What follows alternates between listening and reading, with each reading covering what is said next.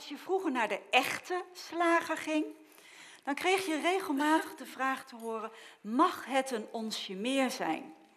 Want ja, hoe kreeg die slager die schoudercarbonade nou echt precies op de snede? En aangezien het erg onbeleefd is om ongevraagd iets meer te geven, want daar betaal je dan natuurlijk ook voor, vroeg hij even: mag het een onsje meer zijn?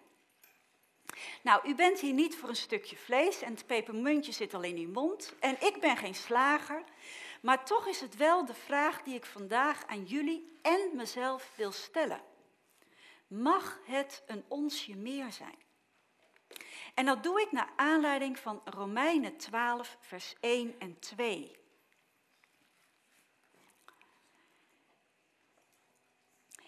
Ik roep u er dan toe op, broeders, door de ontfermingen van God, om uw lichamen aan God te wijden, als een levend offer, heilig en voor God welbehagelijk. Dat is uw redelijke godsdienst.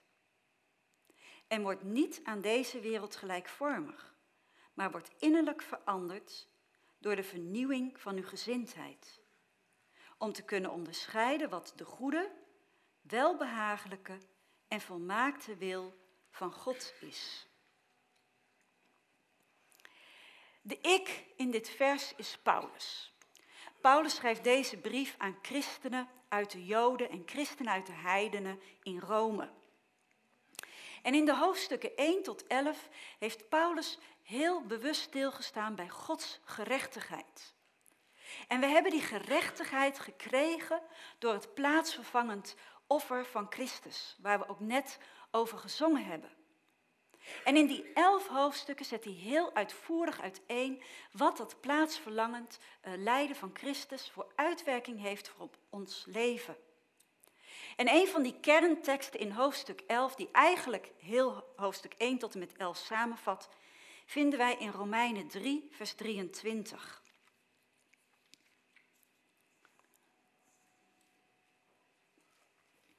Want allen wij dus ook, hebben gezondigd en missen de heerlijkheid van God.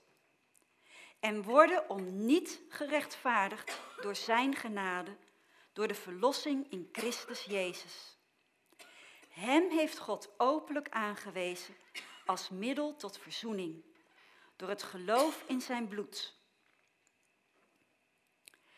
Hij deed dit om Zijn rechtvaardigheid te bewijzen, nu in deze tijd zodat hij zelf rechtvaardig is en rechtvaardigt degene die uit het geloof in Jezus is. Kort samengevat, de gelovige zal door zijn geloof gerechtvaardigd zijn. En daar kan hij elf hoofdstukken over doen. Kennelijk is het zo lastig voor de mens om het te pakken dat het alleen genade is waardoor je gerechtvaardigd bent. Dat het alleen uh, het plaatsvervangend lijden en sterven van Christus is, waardoor we nu aangenomen zijn als geliefde kinderen van God. Het, het is zo lastig om te pakken. En daarom praat hij daar die elf hoofdstukken over. Maar nu ze weten dat het alleen Christus rechtvaardigheid en genade is, dat dat de grond is, nu denkt Paulus, nu moet ik verder. En wij, wij hebben inmiddels heel wat preken over de eerste hoofdstukken van Romeinen gehad. En ook heel wat preken over genade. En het geloven is uit het horen. Dus we hebben al heel wat gehoord. Maar dat betekent niet dat we ook automatisch zijn gaan geloven. Hoe zit het met ons? Hoe zit het met mij? Vertrouw ik nu 100% dat ik alleen door genade gerechtvaardigd ben? Zit ik echt nu achterover en is het me helemaal duidelijk? Of is het eigenlijk aldoende leert men? En mag je ook verder gaan voordat je dat echt 100% weet? Ik denk het wel. Paulus doet immers ook niet een check naar hoofdstuk 11 en uh, checkt even bij de Romeinen van, snappen jullie het, zien jullie het, geloven jullie het, vertrouwen jullie het? Maar hij gaat ook gewoon verder. En ik denk dat het tijd is voor ons om ook verder te gaan. En zo komen we dan aan bij Romeinen 12, vers 1. Ik roep u er dan toe op.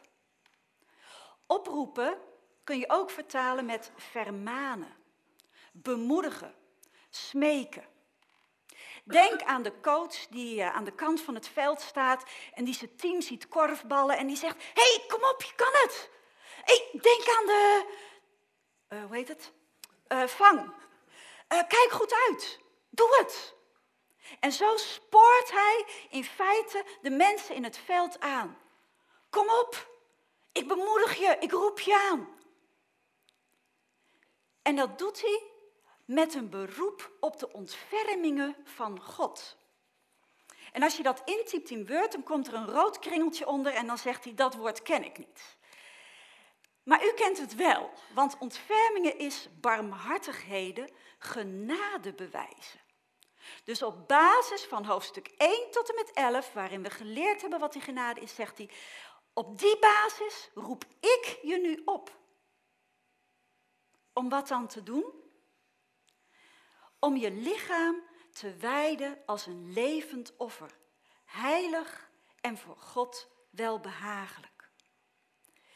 In feite zegt Paulus, je hebt nieuw leven in je. Christus is in je. Ga daar eens wat mee doen. Ga dat eens vormgeven. Laat dat er eens uitkomen. Kom op. En om dat nieuwe leven zichtbaar in je te laten maken, zegt hij tegen zijn lezers, stel dat wij dat ook zouden zijn, dat we onszelf moeten aanbieden als offer. En met dat woord offer verwijst hij naar het brandoffer. En al zijn lezers wisten wat een brandoffer was. Nou kan ik mij voorstellen dat onze kennis met betrekking tot het brandoffer iets is weggezakt. Vandaar dat ik eventjes wil stilstaan bij wat is een brandoffer. Want wij worden wel toe opgeroepen om ons leven als een brandoffer aan God te geven. Niet alleen in deze tekst, maar ook in andere nieuwtestamentische teksten. En dan is het wel belangrijk om te weten wat dat dan eigenlijk is. Het Oude Testament kent vijf offers. Het brandoffer, het spijsoffer, het vredeoffer, het zondoffer en het schuldoffer. En de regelgeving met betrekking tot het brandoffer vinden we in Leviticus 1 en in Leviticus 6. En de Hebreeuwse naam voor brandoffer is Ola. En dat betekent niets anders dan opstijgen, naar boven gaan. Dit brandoffer gaat omhoog. In de Septuagint, dat is de Griekse vertaling van uh, de Hebreeuwse Bijbel, is het holocaust. Het brandoffer is holocaust. Dat wat in zijn geheel verbrand wordt, betekent dat. En dit offer is ook het enige offer dat in zijn geheel verbrand wordt. Al die andere vier offers, daar mogen de priesters en of het volk van eten. Maar dit offer is alleen voor God. Geen priester of mens mag ervan eten. Het wordt in zijn geheel verbrand. En het stijgt in zijn geheel omhoog naar God. Het is een vrijwillig offer. En dat is essentieel bij dit offer. Als het niet vrijwillig is, heeft het geen waarde. En het is een uiting van een persoonlijke daad van toewijding, onderwerping, eerbied en overgave. Degene die dat offer brengt, zegt in feite: Heer, ik wil leven tot eer van u. Uw naam wil ik verheerlijken met mijn leven. En hij geeft zich met dat offer volledig aan God over. Daarom wordt het ook wel een toewijdingsoffer genoemd. Hij wijdt zich toe aan God. En het doel is om de relatie met God te verdiepen. Dus er is een relatie, maar de persoon geeft aan, ik wil meer. Uit Leviticus blijkt ook een verzoenend aspect, Maar het is niet met een specifieke zonde. Want dan zou het nooit vrijwillig kunnen zijn. Want dan moet je een offer brengen om vrijgepleit te worden. En zoals al gezegd, die vrijwilligheid is essentieel, wil het voor God wel behagelijk zijn. Als die offeraar het dier bij de ingang van de tabernakel brengt, dan uh, legt hij zijn, hoofd op, uh, sorry, zijn hand op het hoofd van het dier. Hij, uh, hij drukt erop. Want het is niet een lieflijk leggen van ai, ai, ai. Het is echt steunen. Hetzelfde woord wordt gebruikt in het verhaal van Simpson als die zijn handen legt op de pilaren en daarmee de tempel dus in feite naar beneden doet storten. Nou, dat laat dus ook zien dat als die offeraar dat hand op eh, die kop legt, dat het niet een ai, ai is, maar echt tadang. Dat leggen van zijn hand, of dat drukken van zijn hand, dat wil aangeven van dit dier is van mij en ik geef het aan God. En anderzijds geeft het aan van uh, wat met dit dier had gebeur, gaat gebeuren, had met mij moeten gebeuren. En in feite geeft hij zo aan door die kop in te drukken, Heer, hier kom ik. Met iets wat van mij is, maar wat ik aan u geef. En het is compleet en geheel van u. Ik doe mijn rechten er. Ik neem afstand van mijn recht erop. Daarna slacht de offeraar zelf het dier. En dan komt pas de priester in beeld. Hij vangt het bloed op, sprengelt dat tegen het brandofferaltaar, legt het dier op het brandofferaltaar en daar wordt het door vuur verteerd. En die geur die opstijgt, is dan aangenaam voor God.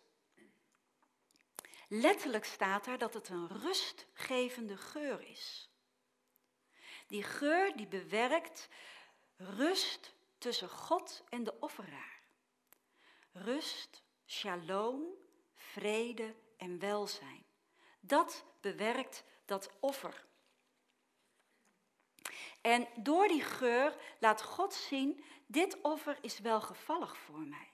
Hier heb ik plezier in. Hier heb ik lol in.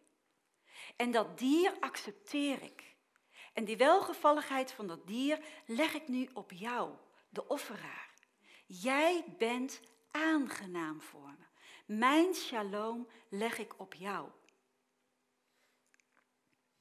Dat brandoffer is wezenlijk anders dan het zondoffer. Het zondoffer, dat breng je omdat je zondig bent, schuldig bent ten opzichte van God. En dat weet jij. En je wilt weer in het reine komen met God. En daarom breng jij een dier naar de ingang van de tabernakel. Omdat jij uh, in feite van je zonde verlost wil worden. Ook daar druk je de kop van het dier in. Maar nu zeg je er in feite mee, ik hevel mijn zonde over op dit dier.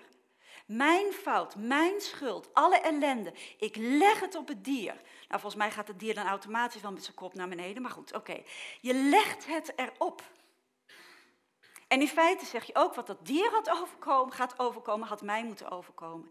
Ik had moeten sterven. Maar hij gaat dat nu voor mij doen. Het dier neemt de plaats van de offeraar in. En als God dat offer aanvaardt, als hij die betaling aanvaardt, dan legt God als het ware de onschuld van het dier op de offeraar. Er vindt dus een wisselwerking plaats. De zonde van de mens komt op het dier en de onschuld van het dier komt op de mens. Zo worden de rollen omgedraaid bij het zondoffer. Dus dat zijn twee duidelijke verschillende offers. Opvallend is dat als wij kijken naar de regelgeving met betrekking tot, brand, uh, met betrekking tot de offers in het algemeen, dat altijd eerst het brandoffer wordt genoemd. En daarna pas die andere vier, waaronder dat zondoffer.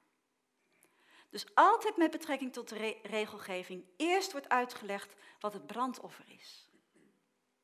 Maar als we dan gaan kijken naar de praktijk in het Oude Testament, dan wordt altijd eerst het zondoffer gebracht en pas daarna het brandoffer. Kennelijk is het zo dat pas als er verzoening heeft plaatsgevonden tussen de offeraar en God, dat hij dan op basis van die verzoening uit dankbaarheid zichzelf kan toewijden. Op basis van die verzoening zichzelf kan zeggen van, Heer, ik wil nu de relatie verdiepen. Slechts één keer wordt er van afgeweken. In die hele Bijbel wordt er slechts één keer van afgeweken.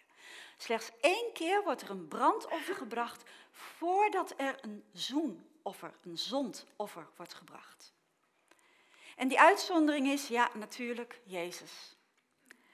Voordat hij het zondoffer brengt met zijn eigen bloed, legt hij eerst vrijwillig zijn leven af. Hij brengt eerst een brandoffer, doordat hij zijn leven vrijwillig aflegt en zegt tegen de Vader, hier is het. Ik wil uw wil doen. En dat is voor God wel behagelijk.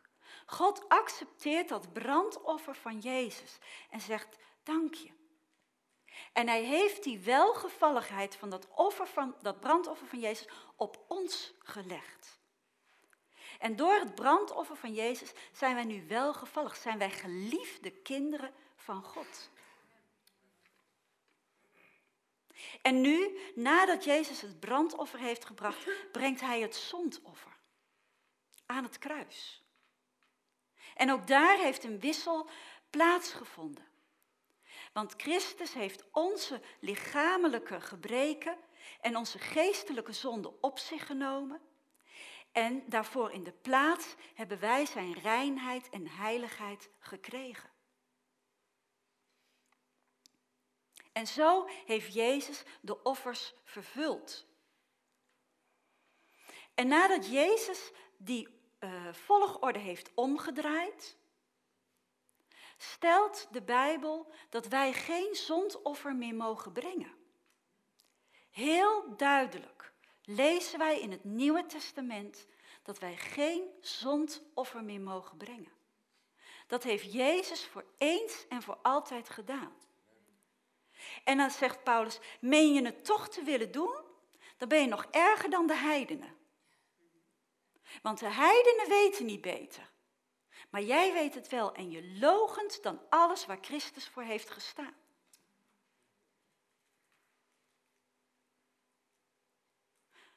Maar we moeten nog wel het brandoffer brengen. Volgens dan Romeinen en ook andere teksten. Maar waarom? Dat heeft Christus toch ook al vervuld? Hij heeft zichzelf toch ook al als brandoffer geofferd? En het ene offer is dan eens vervuld, altijd vervuld, mag niet meer. En het andere offer, dat moeten we dan nog wel doen. Waarom? Door Christus brandoffer zijn wij toch wel gevallig geworden voor God? Zijn wij toch zijn geliefde kinderen? Dat hebben we dan toch al? Daar kunnen we dan toch niks meer aan toevoegen? Maar ja, je bent geliefd of je bent het niet. Waarom smeekt, bemoedigt, spoort Paulus aan om ons lichaam, dus onszelf, als een levend offer te geven? Waarom zegt hij, ga die relatie verdiepen, besteed er aandacht aan, ga leven tot eer van God? Christus heeft toch alles al gedaan?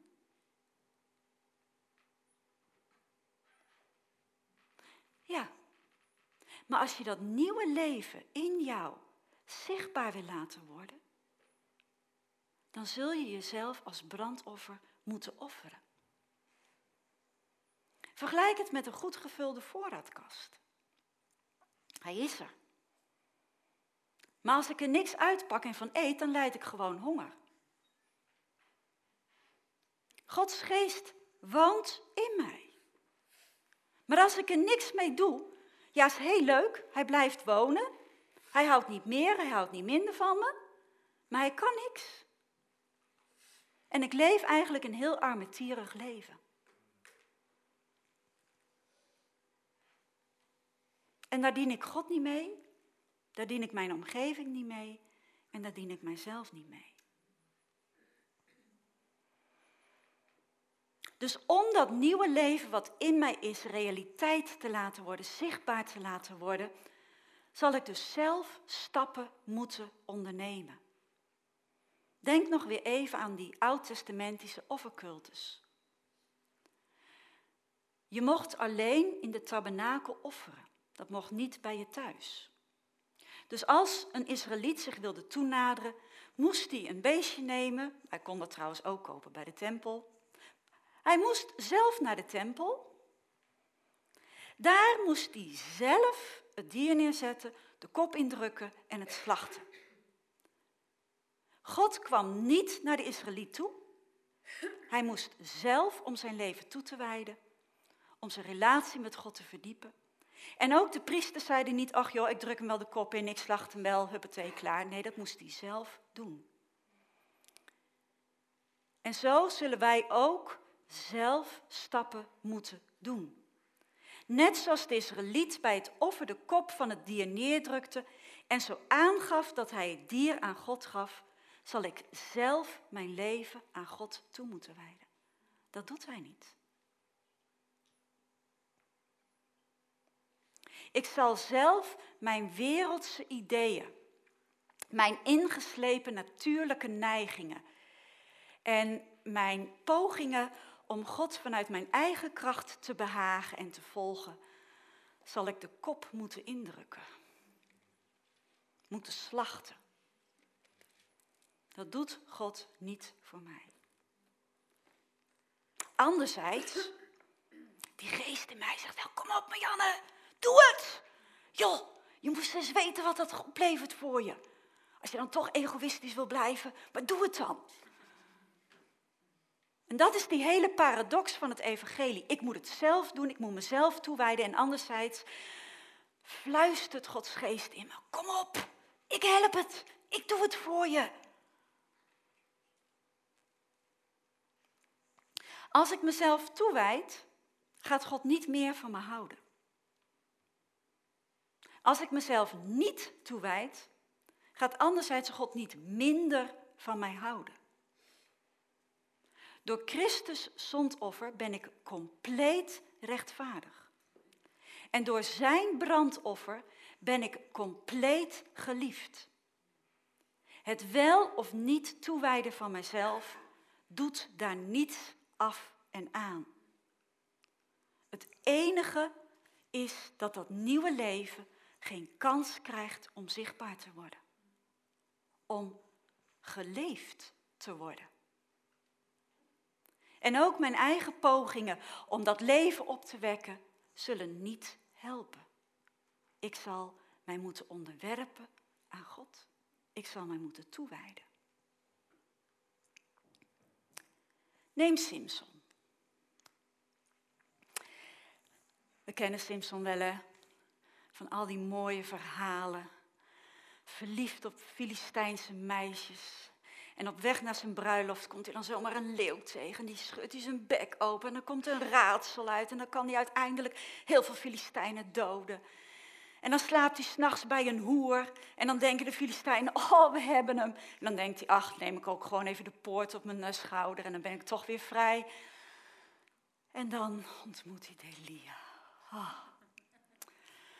Ze is zo mooi. En dan laat hij zijn haar afknippen. Ah, uiteindelijk weet hij dan toch ook nog de tempel in elkaar te laten storten. Maar goed, Simson is vanaf de geboorte af aan een Nazireër. En een Nazireër is iemand die aan God is toegewijd. Hey, daar hebben we dat woord weer, toegewijd. En daardoor is hij heilig. Grappig, hè? Daar is die, doet hij dus niks voor. Maar bij zijn, of voor zijn geboorte krijgen zijn ouders te horen, hij is een Nazireër, dus hij is heilig. Dat is zijn identiteit. En dan zien we het leven van hem. Overigens, die identiteit die is uh, uiterlijk zichtbaar, doordat een Nazireër zijn hoofdhaar niet mag afscheren. Hij mag geen wijn en geen andere sterke drank drinken. En hij mag niet in de buurt van dode mensen komen. Dus dat die identiteit is aan de buitenkant zichtbaar. En dan zien we Simpson.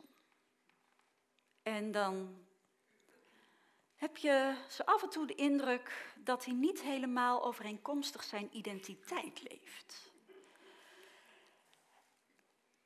Hij valt op Filistijnse meisjes. Was nou niet helemaal de bedoeling. Hij houdt zelfs zich op met hoeren. Nou, ik denk ook niet dat dat echt in het plan van God paste. Hij drinkt, hij doodt en tot slot laat hij zich hoofdhaar afscheren. Wat een voorbeeld. En ja, toch. Ondanks dat alles begint God met het bevrijden van de Israëlieten uit de handen van de Filistijnen door Simson heen. En in de brief aan de Hebreeën wordt hij genoemd bij de geloofshelden. Hij is dus gered, hij heeft geloofd en vertrouwt op Gods kracht. Maar wat was er gebeurd als hij had geleefd overeenkomstig de identiteit die God hem had gegeven? Hij heeft twintig jaar het volk geregeerd. Wat als hij dat vanuit die identiteit had gedaan? Hoe was Richteren, het Bijbelboek Richteren, dan afgelopen? Wat als hij aandacht had besteed aan de Heilige Geest in hem en niet aan de mooie Filistijnse meisjes? Wat als hij die, die kracht die hij van God had ontvangen, in overleg met God en in onderwerping, toewijding aan God had gebruikt? In plaats van haar eigen goeddunken en voor zijn eigen pleziertjes. Ik weet het niet. En we zullen de antwoorden op die vragen ook niet weten. Maar laten we eens kijken naar onszelf. Wat als ik mij toewijd aan God? Wat gaat er dan gebeuren in mijn leven?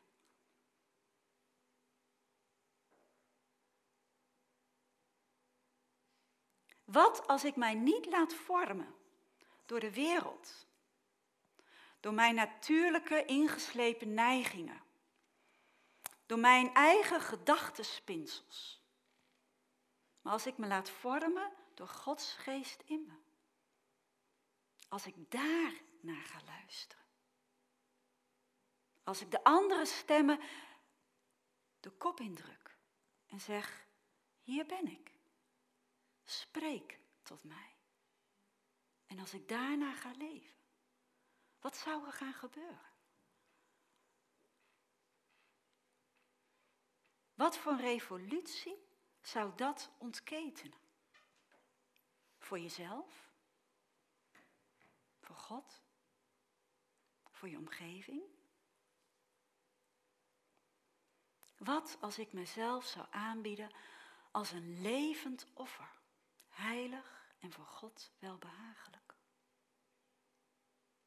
Hoeveel meer van Gods bestemming met mijn leven zou er uitkomen? Ben ik bereid om de toewijding die God aan mij heeft te beantwoorden met mijn toewijding? Ben ik bereid om als geliefd kind te leven? Om die aansporing van de Heilige Geest in mij, om daar gehoor aan te geven? Ook als je het soms heel eng vindt om die geëikte paadjes die je kent los te moeten laten. Ja, maar ik heb het altijd zo gedaan. Ook als je je eigen machtig proberen om God te behagen los moet laten. Maar gewoon, hier ben ik. Neem mijn leven. Wil je jouw leven toewijden aan God? In antwoord op wie hij is en op wat hij voor jou heeft gedaan? Want dat is en blijft de basis. Wil jij leven tot zijn eer? En mag jouw toewijding een onsje meer zijn.